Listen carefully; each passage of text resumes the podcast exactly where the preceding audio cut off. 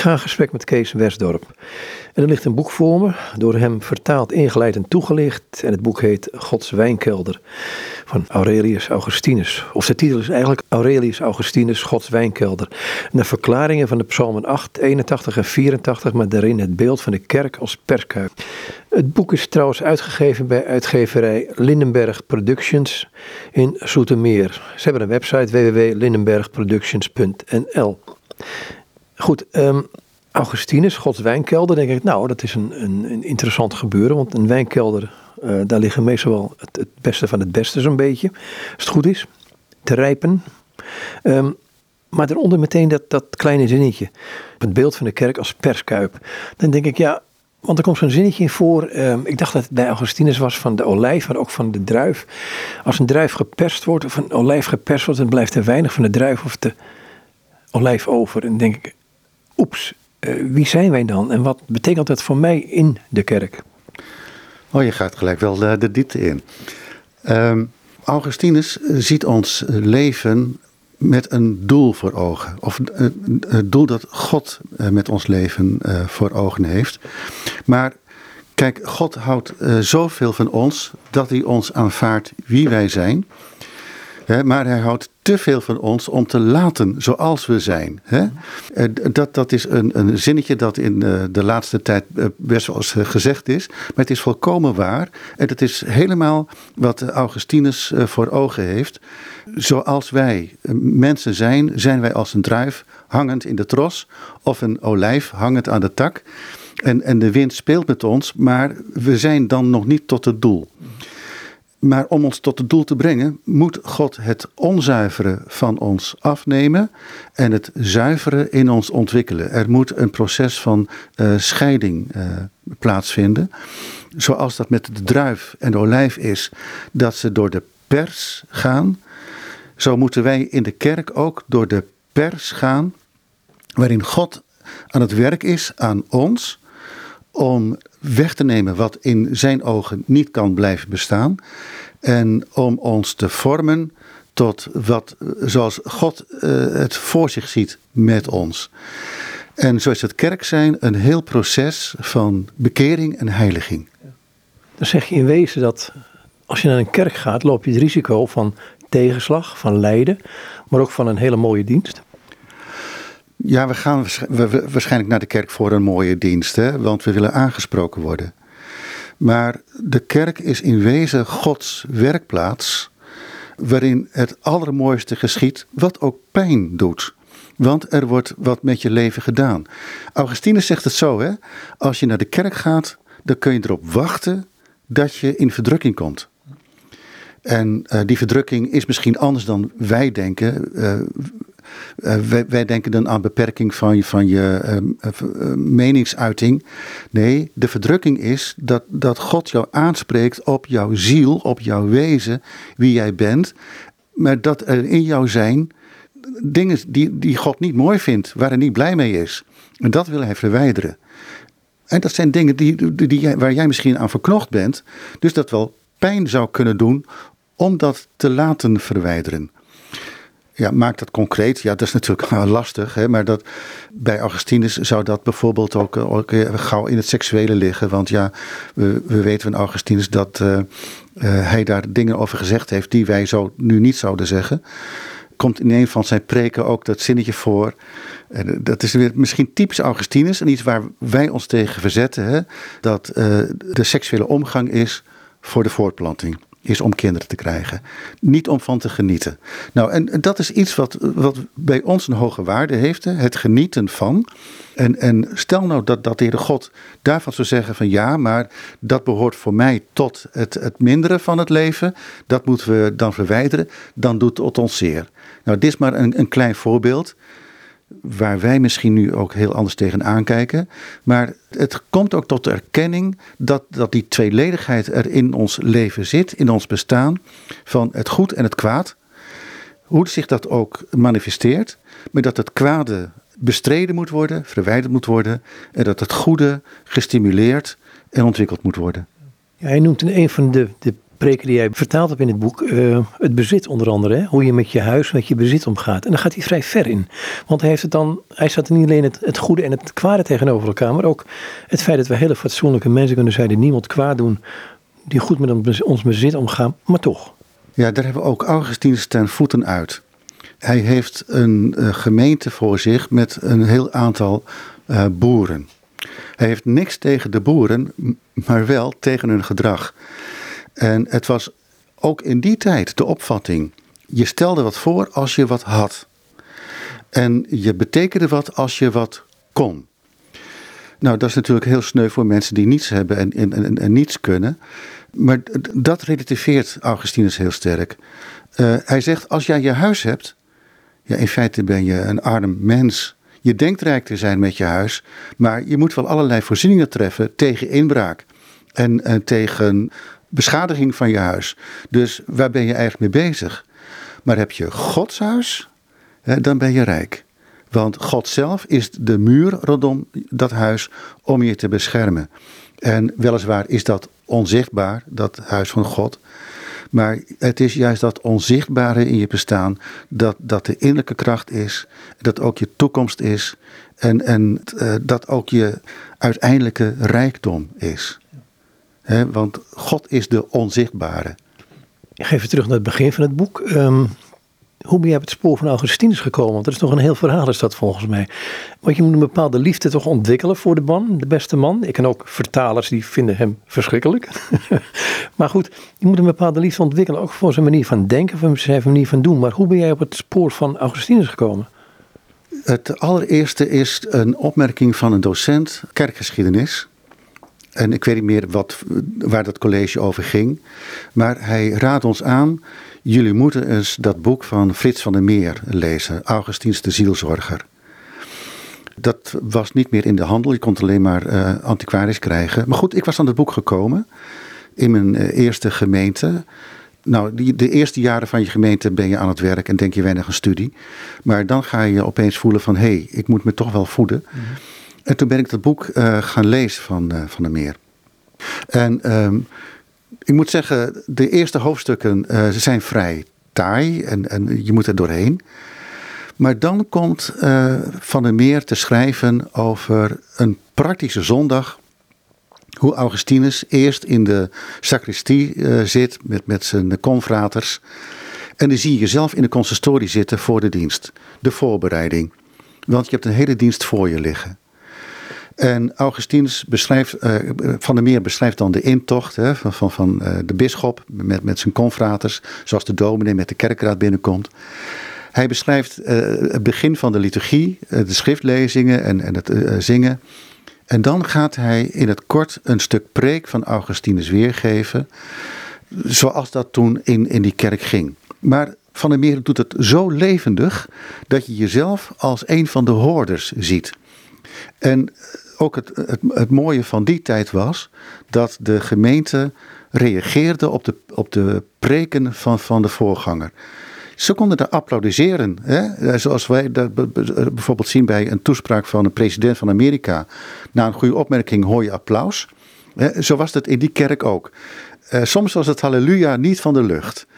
En Van der Meer beschrijft dat zo, hè, dat, dat de gemeente enthousiast gemaakt werd over, over die preek. En dat Augustinus tijdens het applaus kon roepen: Ja, jullie prijzen de prediker, maar ik ga jullie pas prijzen als jullie ook doen wat ik zeg. Nou, en dat vond ik zo geweldig, want in feite ben je zelf ook zo bezig als predikant. Je spreekt je woorden niet zomaar, je hoopt en je bidt dat de gemeente die woorden ook aanneemt en er naar doet.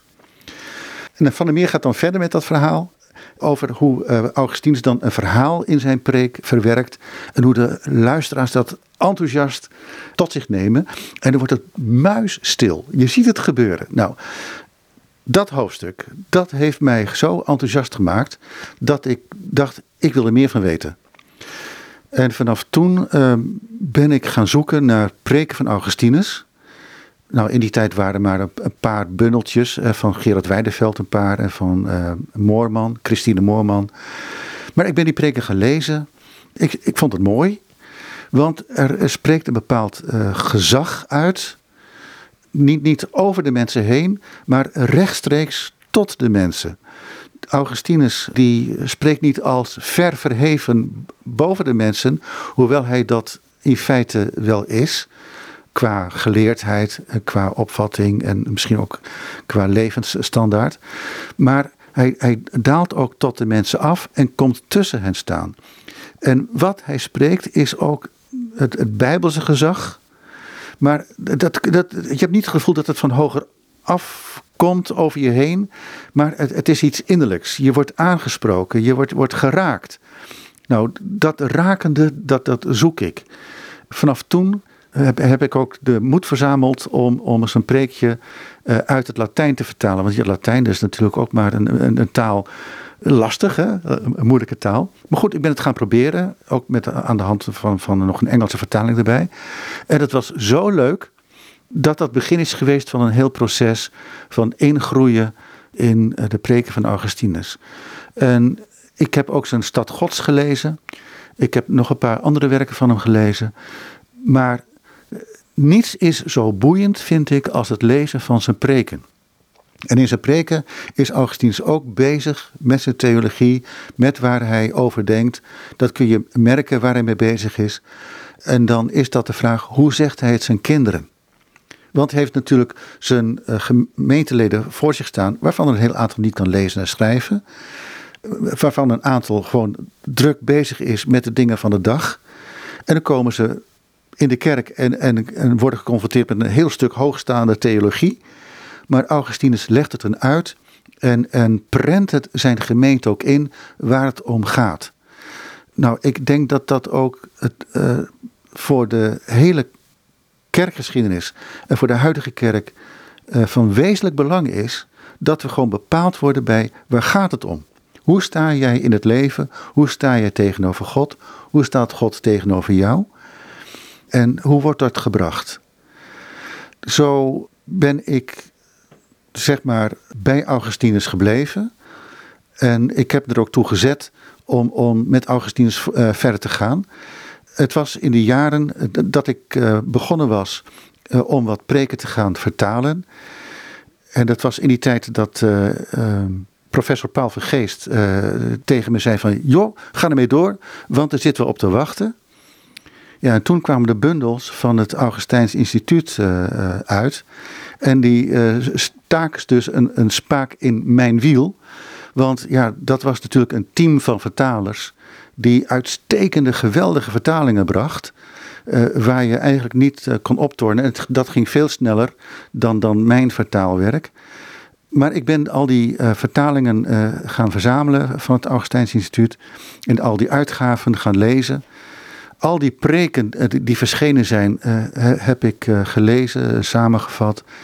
En, en dat heeft wat met mij gedaan. Dat, dat, dat, dat vormt je.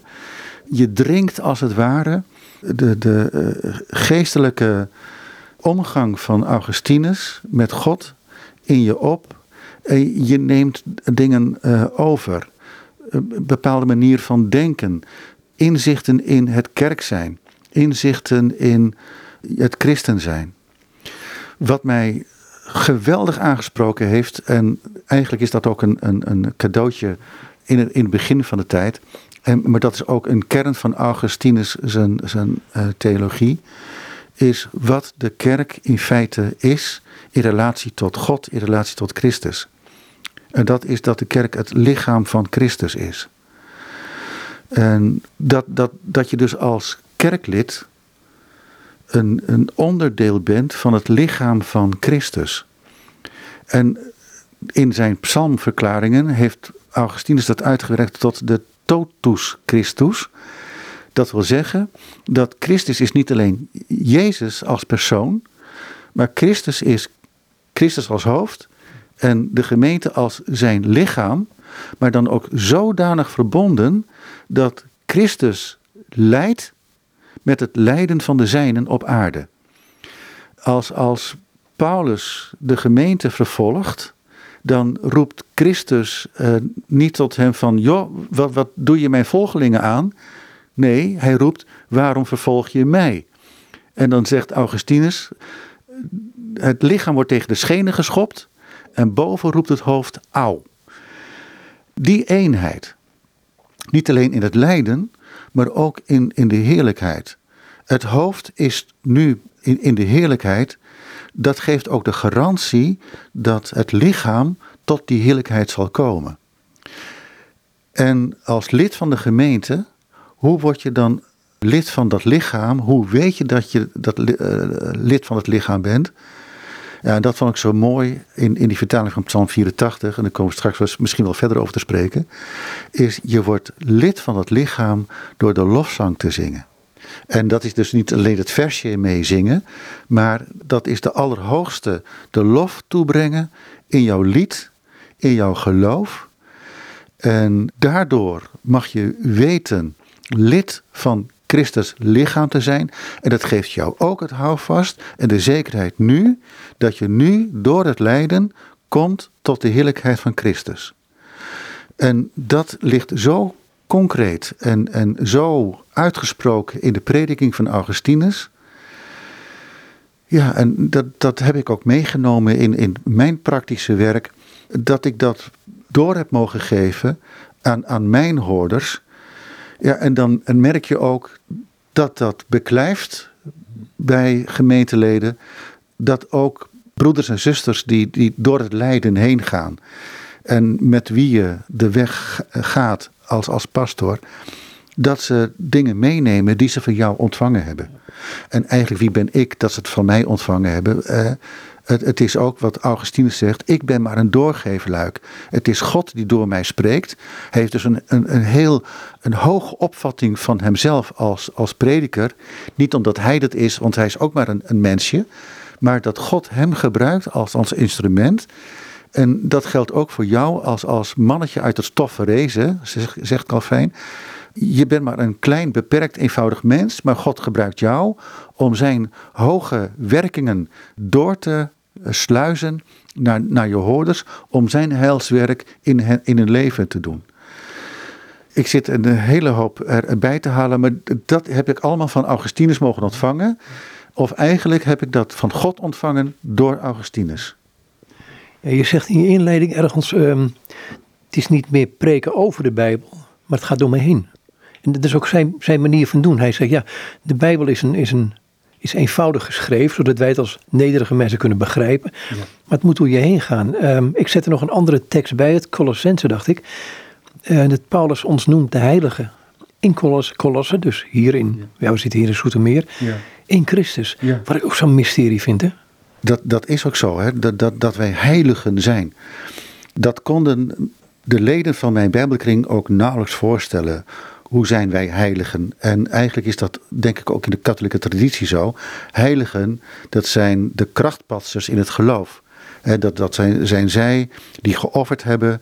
Uh, het, het, het, is ook van, van het begin van de kerkgeschiedenis af aan dat martelaren die hadden hun leven geofferd voor de Heer. En ja, dat waren de heiligen. Dat waren... Ja, die werden ook getuigen genoemd, hè? Ja. ja. de martelaar is het ook Griekse woord voor getuigen. En hun dood is gepaard gegaan met het getuigenis dat alleen Jezus Heer is. Maar ja, zo kijkt de Heilige Geest uh, uh, toch iets, iets anders aan tegen de mensen die Jezus beleiden als Heer, die niet hoeven te lijden. Want jij en ik, eh, wij allen, eh, als we lid zijn van Christus gemeente, niet allen hebben wij zo te lijden. En, en toch zijn wij heiligen, niet omdat wij nou zo goed zijn. Nee, heilig betekent gewijd, apart gezet. Ik vergelijk dat met spaargeld. We hebben onze spaarpotjes. En, en zo heeft God ons als een spaarpotje voor zijn koninkrijk. We zijn eh, met dat doel apart gezet om straks deel te hebben in Gods heerlijkheid. En, en nu moeten we als kapitaal groeien. Groeien in geloof, uh, groeien in toewijding, wat natuurlijk met vallen en opstaan gaat. Maar ook uh, groeien in de opvatting dat dit onze toekomst is. Dit is ons voorland. Dat we uh, toeleven naar Christus heerlijkheid dwars door de strijd heen. En het gaat niet zonder strijd, niet zonder verdrukking, want daar is de kerk voor. De kerk is de perskuip van God. Daarin word je getreden, daarin word je gevormd, maar daarin word je dus ook verandert? Vind ik ook een moeilijke vraag hoor, die verandering. Van, ik heb natuurlijk ook mijn karakter. En uh, mijn karakter van nu, nu ik uh, bijna 67 ben, ja, is nog ongeveer hetzelfde als toen ik 20 was. Hè? Zo voelt het, hè? Ja, ik, ik heb hetzelfde. Ik, heb, ik, ben een 73 iets ouder, maar ik heb het idee dat ik nog steeds die jongen van 19 ben. Ja, en, ja in zekere zin, hè? En, en hebben wij dus de goede opvatting over de verandering? Wat verandert God in ons? Uh, hoe werkt de Heilige Geest in ons?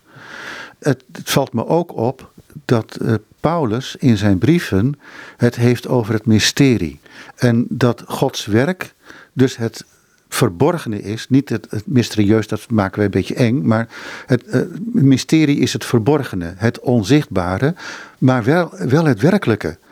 Dus dat God heel werkelijk in ons werkt, maar we zien het niet zo direct concreet. En dat is bij Augustinus ook zo. Augustinus heeft een heel diep ontzag voor het mysterie. En het mysterie is God zelf. Daarom, als je iets over God zegt, moeten wij mensen ook weten dat, dat God de totaal andere is. We moeten het ook weer ontkennen wat we over God zeggen, want we, we hebben hem niet zomaar te pakken in onze woorden. Nou, en dat zal dus ook uh, Gods werk aan ons en in ons zijn. Het is het verborgene werk dat een werkelijkheid is voor God, dat God zo ziet. En wij, moeten het, wij mogen het geloven. Wij mogen het met ons meenemen dat God in ons werkt, ook al blijft die vernieuwing voor ons een, een verborgen goed. Wij merken dat misschien niet zo in ons karakter, maar onze weg is wel van, van woord tot woord naar het koninkrijk toe.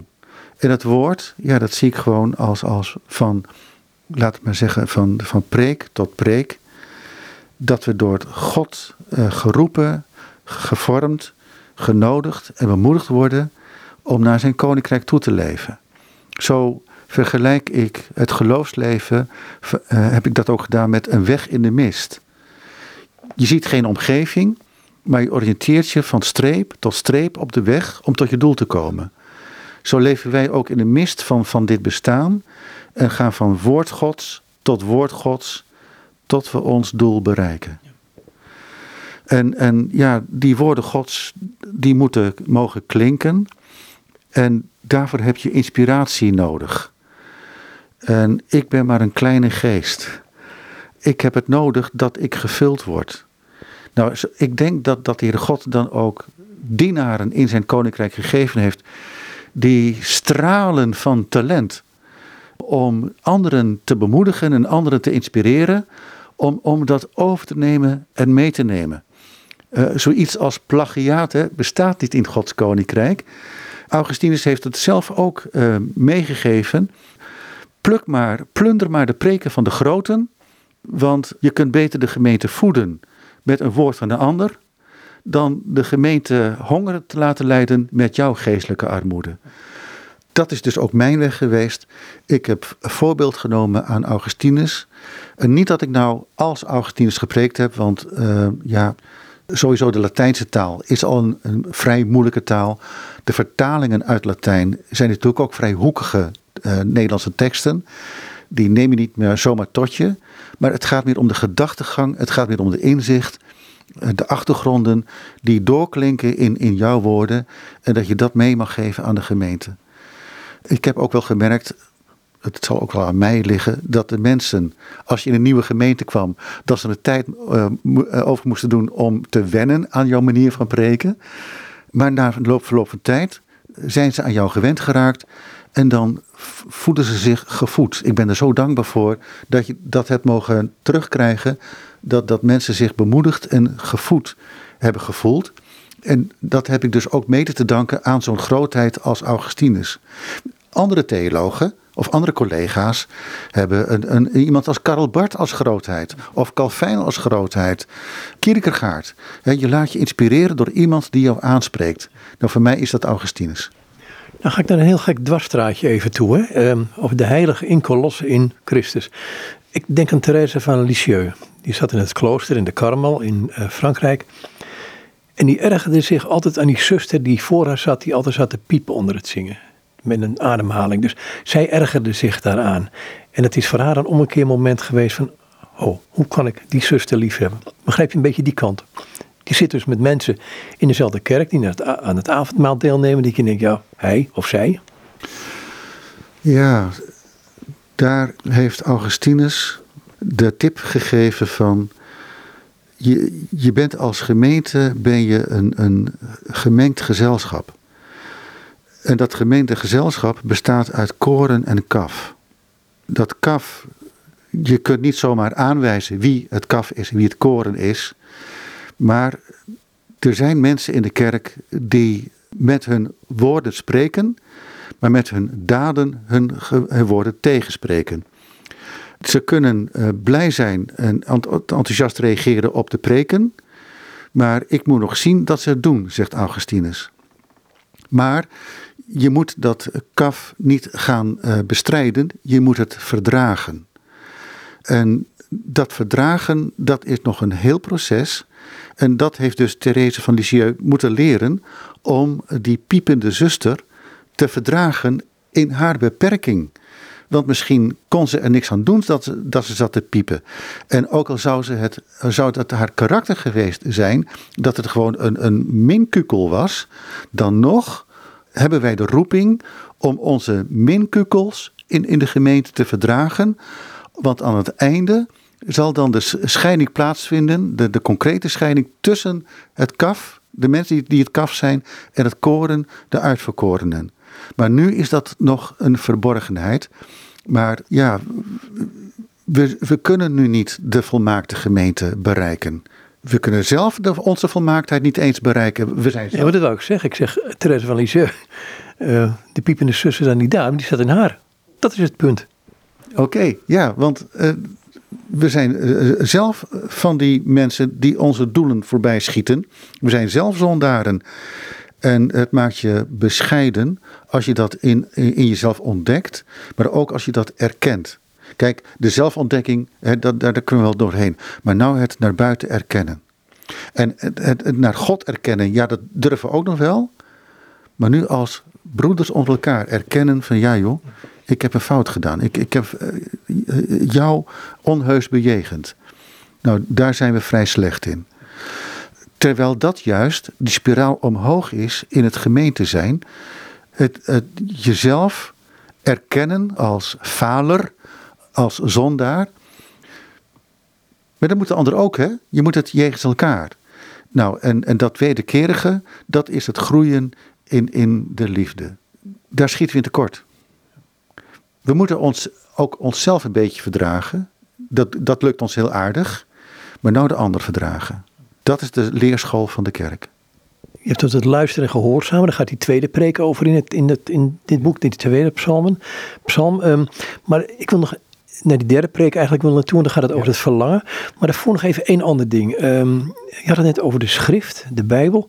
Die beweging bij Augustinus, wat ik meen te merken, wat je ook in inleiding zegt, is van de beweging van de Bijbel is niet van uh, we gaan er eens even lekker in studeren, maar hij komt naar je, naar je toe.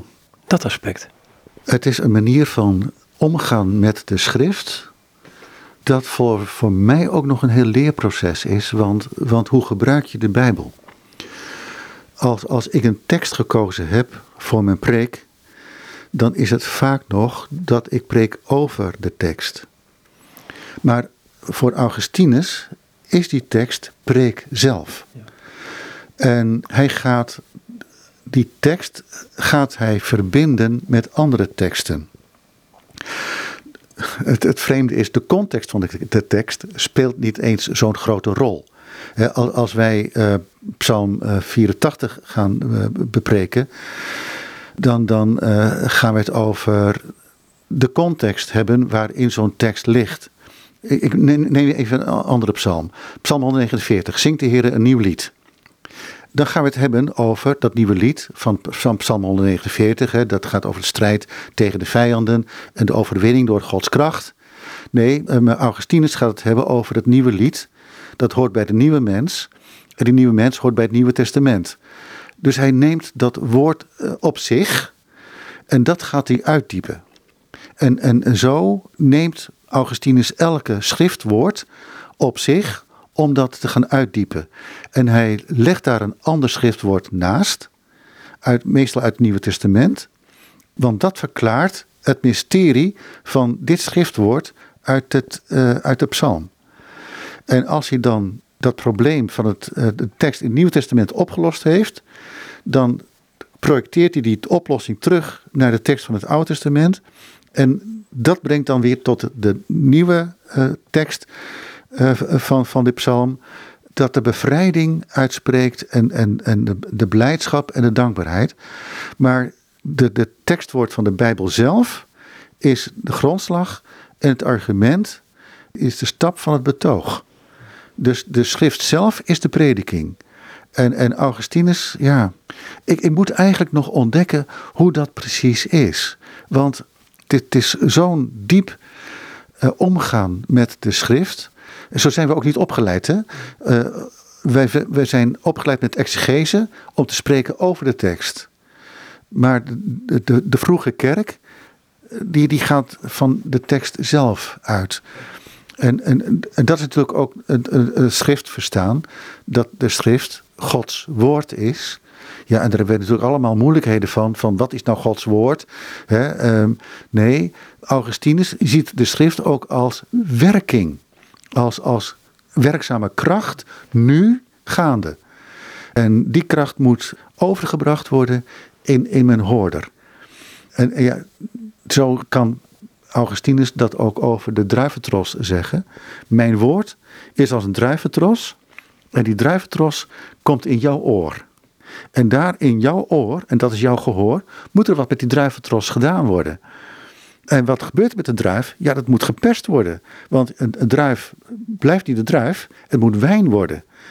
In jouw gehoor moet dat woord Gods in jou zo werken dat jij die edele wijn wordt, door God bewaard in, in zijn wel, wijnkelder. Nou, en, en dus dat is, dat is dat Bijbelwoord dat in jou zijn werk doet. Speelt nog een andere factor uh, bij. Kijk, wij hebben onze gedrukte Bijbels. Uh, ik weet niet hoeveel Bijbels jij thuis hebt. Uh, maar als, als ik hier mijn studeerkamer naga, ik, ik geloof dat ik wel een stuk of veertig Bijbels heb. In allerlei vertalingen. Maar het zijn wel Bijbels hè, die mij ten dienste staan om te lezen. In Augustinus tijd waren er veel minder Bijbels. Ze waren niet eens gedrukt, ze moesten overgeschreven worden. dus het was een gemeenschap die gezamenlijk een Bijbel had. En hoe moesten ze kennis krijgen van de Bijbel? Door die teksten in te prenten. En zo zijn Augustine spreken ook vaak leerdiensten of leerpreken om de mensen die Bijbelteksten in te prenten, zodat ze in hun geheugen, in hun hart meekrijgen wat er in de Bijbel staat. En misschien is dat al een gegeven die ook de manier van prediking van Augustinus bepaald heeft. En nou zitten wij ook in een tijd dat de Bijbelkennis schrikbarend terugneemt. Het stond nog in de krant, die ik las, dat jongeren niet meer weten wat in de Bijbel staat. Misschien dat wij als, als voorgangers dus ook zo moeten gaan preken dat we Bijbelteksten inprenten in ons gehoor. En als we dat doen, misschien dat, dat ook die manier van prediking van de vroege kerk ook in onze prediking door gaat zijpelen. Dat we dat woord Gods gaan overbrengen in, in onze hoorders, zodat het woord van God werkzaam is. En aan onze hoorders doet wat God bedoelt. Zo wordt de preek niet een, een verhaaltje van de prediker waar hij zelf een beetje buiten staat. Nee, zo wordt de prediker doorgeefluik van het heil waar hij zelf vruchten van plukt en waarvan de hoorder ook de vruchten van gaat plukken. Het wordt dus een soort gemeenschap van zoeken en vinden. Even datgene wat hij meent te vinden in het Oude Testament is Christus. Ja. Voortdurend, bij voortduring. En daarna wil ik naar die Psalm 84 gaan, anders komen we, ja. daar niet eens toe. Maar, maar dat, dat aspect hè, van dat voortdurend vinden van Christus in een tekst, ik vind, het, ik vind het een verrijking tot en met. Hoe ver gaat hij erin? Want af en toe heb ik het idee dat, je, dat hij, voor mijn gevoel, was een stap te ver gaat. Kijk, Augustine staat er daar niet alleen in. Eh, dat heeft hij ook niet van zichzelf. Het is vooral de vroege kerk, eh, vanaf het vroegste begin. En dan kunnen we komen eh, tot de Hebreeënbrief, waar de schrijf van de Hebreeënbrief zelf al alles van het Oude Testament vervuld ziet in Christus. Paulus trouwens ook. Hè. Die ziet ook de, de rotsteen hè, die met het volk Israël mee reist en, en het water gaf. Dat ziet hij vervuld in Christus. Zo heeft de vroege kerk die opvatting overgenomen en dat uitgewerkt. En, en Augustinus staat op de schouders van Ambrosius, Cyprianus, Tertullianus, eh, van, van al die vroege kerkvaders. En dan moeten we vooral ook Origenes nemen. Eh, de grote bijbelleraar van, van de tweede, derde eeuw. Eh, op zijn schouder staat Augustinus ook. Origenes, de grote bijbelleraar, die wel in de kerkgeschiedenis verketterd is geworden. Maar goed, dat, dat, dat, dat Augustinus inderdaad in elk woord Christus zoekt en Christus vindt. Ik denk dat we die rijkdom van de vroege kerk mogen overnemen. Gaat Augustinus daarin te ver? Nou, dat is een vraag waar ik eigenlijk geen antwoord op weet. Want is het te ver gaan om Christus te vinden overal in? Of je exegetisch een, een oud-testamentische tekst recht doet, zoals wij uh, academisch opgeleid zijn, oké, dat zou kunnen zijn. Hè? er is ook, ook een Joodse manier van lezen. onze Joodse medemensen lezen de Tanach anders dan, dan wij christenen lezen. En dat is een, een leestraditie die ook wij moeten respecteren. En er, zijn ook protestantse collega's uh, die zich ook verdiepen in, in de Joodse manier van lezen. En hoeveel kunnen wij eruit leren? het is pure hoogmoed om dat links te laten liggen. Dat, dat moeten we niet willen. Want ook, ook in de Tanach ligt zoveel rijkdom opgesloten en ook zoveel praktisch en, en concreet uh, geloofsgoed. Maar ik, ik denk dat principieel ik als christen in, in, in de psalmen ook Christus mag en moet vinden als, als ja, mijn Heer en mijn Verlosser die ons tot zijn doel leidt. Ik kan mezelf erin heerlijk tegenspreken door te zeggen van uh, in Colossense die Christus hemde, daar is dat het alles in hem en voor hem, of alles in hem, door hem en voor hem geschapen is. Dus hij moet zichtbaar kunnen zijn in alles, Christus. Ehm, ja, maar daar zitten we ook met de werkelijkheid van nu om ons heen. Ik ben ook een gelovige in, in deze tijd. Ik ben zelf een stukje weerbarstige werkelijkheid. En uh, mijn omgeving is dus een weerbarstige werkelijkheid waarin Christus niet zo zichtbaar is. Nou, maar hij is wel het mysterie, ook het mysterie in de geschiedenis, ook het mysterie in het huidige wereldgebeuren. En als ik naar het wereldgebeuren kijk, dan word ik hevig ontmoedigd en word ik haast ongelovig. Maar als ik naar de schrift ga en ik lees de schrift, dan kom ik weer dicht bij Christus. En ik denk dat dat ook onze weg behoort te zijn als volgelingen van Christus, dat we de schriften lezen en, en dagelijks tot ons nemen om, om de weg van de schrift te gaan. Want ik denk dat dat ook de weg van God is, de weg van Christus. En dat, dat dan zo uiteindelijk Christus zichtbaar zal worden in de voleinding. Want die toekomstgerichtheid ligt ook heel sterk in de preek van Augustinus over Psalm 84.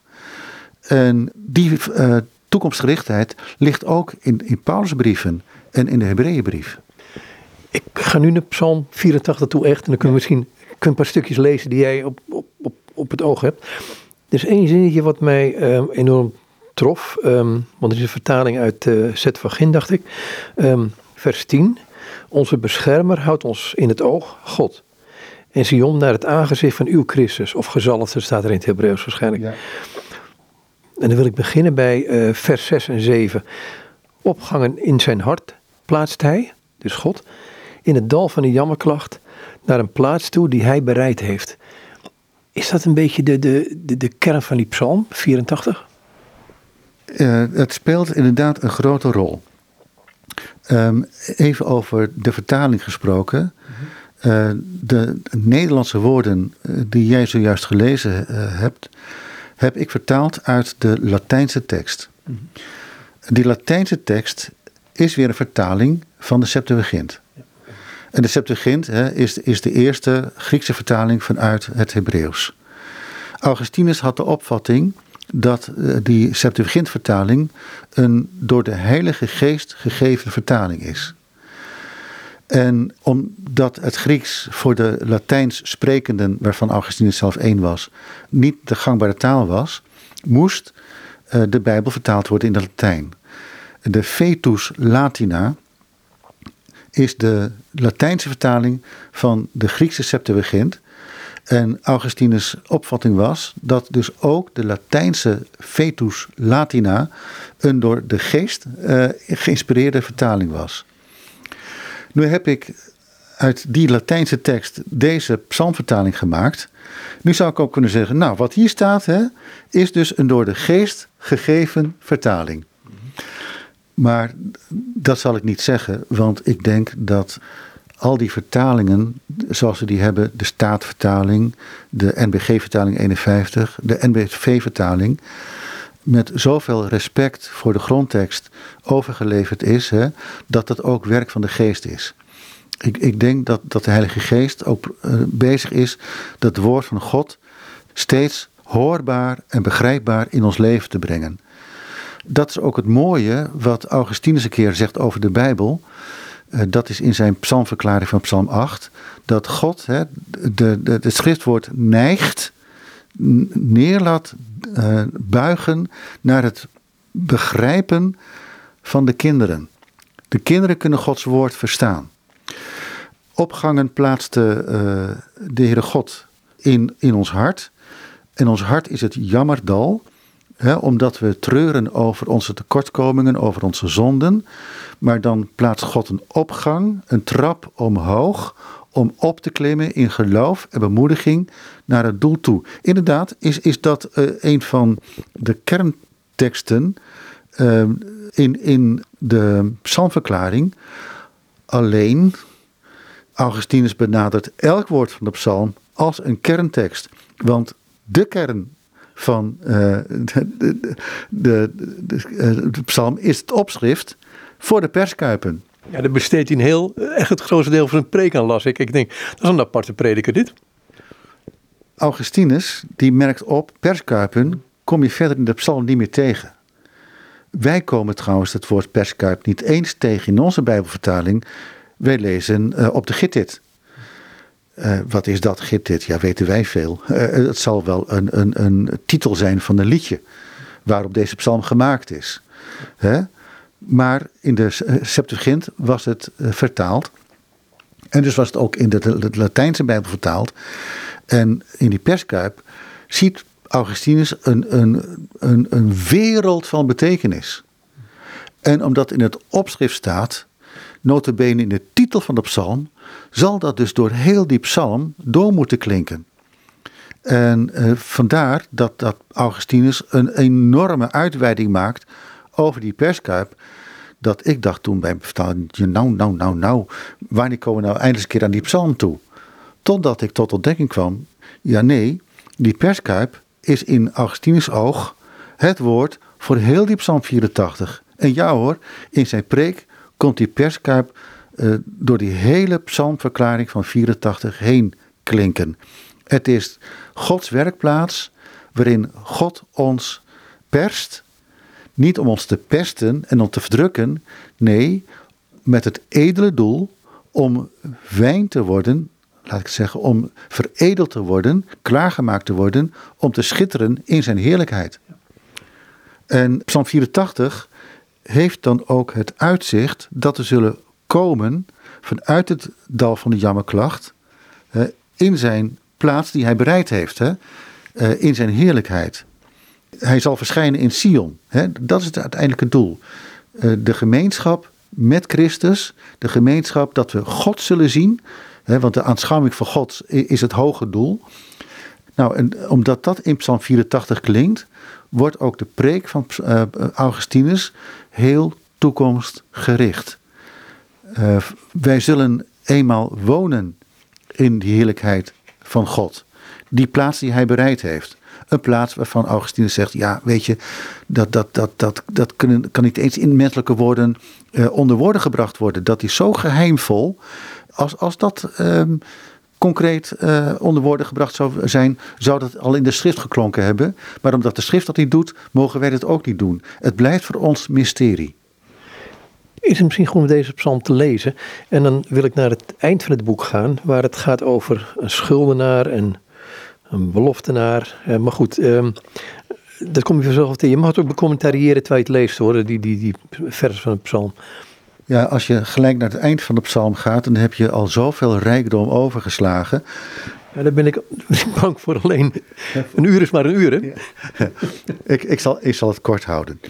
Um, in het begin heeft uh, Augustinus het niet alleen over de perskuipen, maar ook over de zonen van Korach. Kore staat er uh, in het Latijn. En die Kore, dat is uh, Hebreeuws voor kaalkop. En kaalkop, dat heeft uh, de profeet Elisa te horen gekregen. Maar kaalkop, dat was ook de, de berg Golgotha waarop Christus ge gekruisigd is. Dus Kore, de profeet Elisa en Christus hebben met elkaar verband. En uh, de zonen van Kore, dat zijn de zangers van de psalm. Dus als jij de psalm mee gaat zingen, dan ben je dus ook een zoon van Kore, de zoon van de kaalkop.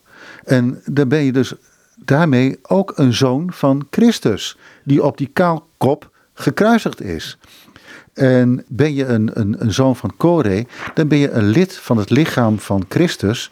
En door te zingen ben je lichaam van Christus. Hij zegt dat ook, hè? Wie is het die dat zingt? Ja, dat is het lichaam van Christus. Dat bent u. Opeens um, legt hij zijn wijsvinger naar zijn hoorders. Dat, dat, dat zijn jullie hoor. Jullie die zingen. Jullie zijn uh, lichaam van Christus. Als u wilt, voegt hij er aan toe. Dus als het van, alsof het van mij afhangt. Ja, inderdaad, want ik moet me ertoe zetten om die lofzang mee te zingen. Maar het is mij tegelijk tot geweldige troost door, door mee te zingen. En weet je, eh, de, na mijn emeritaat zit ik dus als kerkganger in de kerk. En ik heb dat mezelf een aantal keren te binnen gebracht. Je zingt mee. Oké, ik zing. En daarmee ben ik een onderdeel van de zingende gemeente, lid van het lichaam van Christus. Wat een troost. Wij zijn licht van Christus, onderdeel van de gehele Christus, totus Christus heb ik van Augustinus. En dat staat ook in, in zijn vertaling, uh, of in zijn preek van Psalm 84. Schitterend. Daar ben ik zo blij mee. Ik kan me voorstellen. Um, ik ga toch naar het, het einde van, ja, van ja. die preek, want het, het, blijft, je moet maar commentariëren, bladzijde 116, 117. En misschien kunnen we daarna de, de psalm nog één keer gewoon lezen. Um, dan zeg je op een gegeven moment, dan komt er een passage, dat is jouw commentaar op uh, Augustinus, met een onvergelijkelijk mooi pastoraal hoogtepunt en een gedurfd godsbeeld. Ja. Nou mag jij. Uh, het is in zijn laatste paragraaf van zijn preek als hij het heeft over dat God ons iets verschuldigd is. Maar dat is een vreemde. Ja, hoe kan dat nou? Hoe kan God schuldig zijn?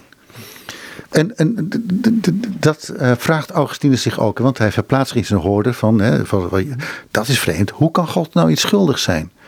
Want hebben wij dan God iets gegeven? Uh, want, het gaat toch zo onder ons mensen. Als ik uh, iets aan jou gegeven heb, dan ben je mee schuldig om het terug te geven. Hoe zullen we dat zeggen? Uh, ik geef jou een, een, boek, dan ben jij mij schuldig om de prijs van het boek te betalen. Is dat bij God ook zo? Vraagt Augustinus. Wat kunnen wij hem gegeven hebben? Want alles is voor God, heeft alles geschapen. Eh, dus God komt niks tekort. Hoe kan hij dan toch schuldenaar zijn? Ja, zegt Augustinus, God is iets schuldig omdat hij beloofd heeft. Belofte maakt schuld. Wat heeft hij dan beloofd? Nou, hij heeft ons de erekroon beloofd. Dat, uh, dat had hij Paulus beloofd. Hè? Ik heb de loop volbracht. Nu wacht mij de erekroon die de Allerhoogste mij beloofd heeft. Met andere woorden, God is nou Paulus schuldig om hem te geven wat hij beloofd heeft. Geldt ook voor u. Als u de belofte gelooft, dan is God uw schuldenaar geworden.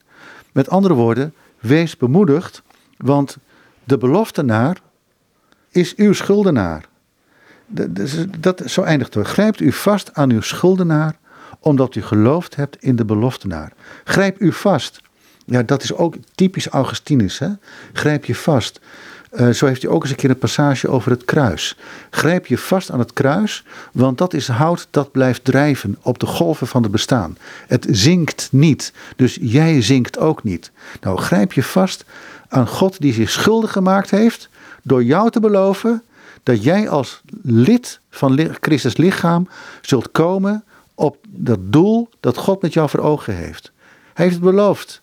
Houd God eraan. Want jij hebt ook wel eens wat mindere momenten dat je twijfelt. Of, of, dat je zelf losgelaten voelt. God laat niet los. Grijp je vast. En ja, dat, dat, dat is zo'n bemoediging voor iedere christen van deze tijd. er is nog een zinnetje achter van jou. Want ondanks de huidige tijd van verdrukking is er geluk in God. Dat is ook nu. En of dat voor nu is. Uh, zo is deze oude psalmverklaring van 1600 jaar oud voor de dag van vandaag volgens mij actueel. Ik, ik, ik denk ook dat het een geschenk Gods is aan, aan de kerkgeschiedenis uh, om, om uh, inzichten en doorzichten te krijgen waar je houvasten hebt. Hoe geschokt zijn wij in deze dagen? Hoe worden wij heen en weer geslingerd door die oorlog in Israël, door de oorlog in Oekraïne? Uh, door de stikstofcrisis, door de klimaatverandering. Waar gaat het naartoe? Wat is de uh, toekomst van deze wereld? Nou, als christen mogen we zeggen: de toekomst van deze wereld is Christus. God komt naar ons toe. En de God is de belovende God. Deze wereld is van Hem. Hij laat niet los. Ja, en, en dat is ook puur geloof om dat te zeggen, omdat we het niet zien. Maar ons geloof wordt gevoed en ondersteund door zo'n psalm en door zo'n preek. Zou je die psalm gewoon kunnen lezen als afsluiting van dit gesprek? Gaan we doen.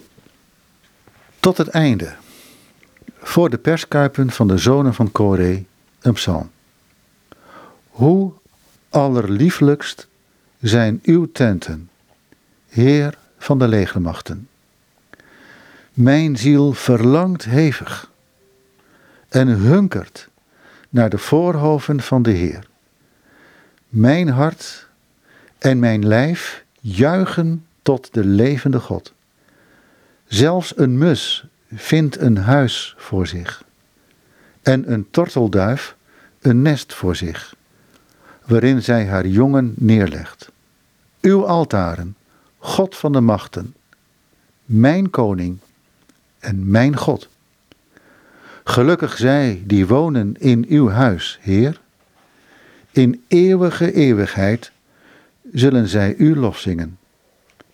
Gelukkig de man die geduldig op u wacht, Heer. Opgangen in zijn hart plaatste hij, in het dal van de jammerklacht, naar een plaats toe die hij bereid heeft. Want ook zegen zal hij geven hij die de wet gegeven heeft. Zij gaan hun weg vanaf krachten naar een kracht. Hij zal verschijnen in Sion, de God van de goden. Heer, God van de machten, hoor mijn gebed. Neem dat met uw oren op, God van Jacob.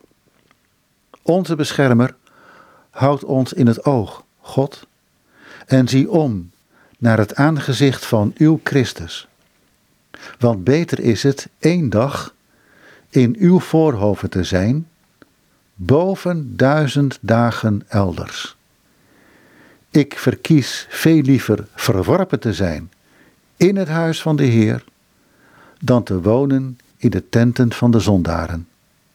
Omdat God barmhartigheid en eerlijkheid lief heeft, zal Hij genade en eer geven. De Heer zal die mensen niet van goede dingen beroven die wandelen in onschuld. Heer, God van de machten, gelukkig de mens die hoopt op u. En met dit interview is u de helft nog niet aangezegd. Nee, want als je deze psalm leest, denk ik bij elke zin, hier valt een heleboel over te zeggen. Of hier heeft Augustinus een heleboel over gezegd. Maar ik wou het hier wel bij laten voor dit moment. Dankjewel. Graag gedaan. En dit zei Kees Westdorp. En met hem was ik in gesprek op basis van het door hem vertaalde, ingeleid en toegelichte boek Aurelius Augustinus, Gods Wijnkelder. Verklaringen van de psalmen 8, 81 en 84 met daarin het beeld van de kerk als perskuip. Het boek is trouwens uitgegeven bij uitgeverij Lindenberg Productions in Zoetermeer. Ze hebben een website www.lindenbergproductions.nl. Goed, nogmaals dus tot zover dit gesprek met Kees Westdorp.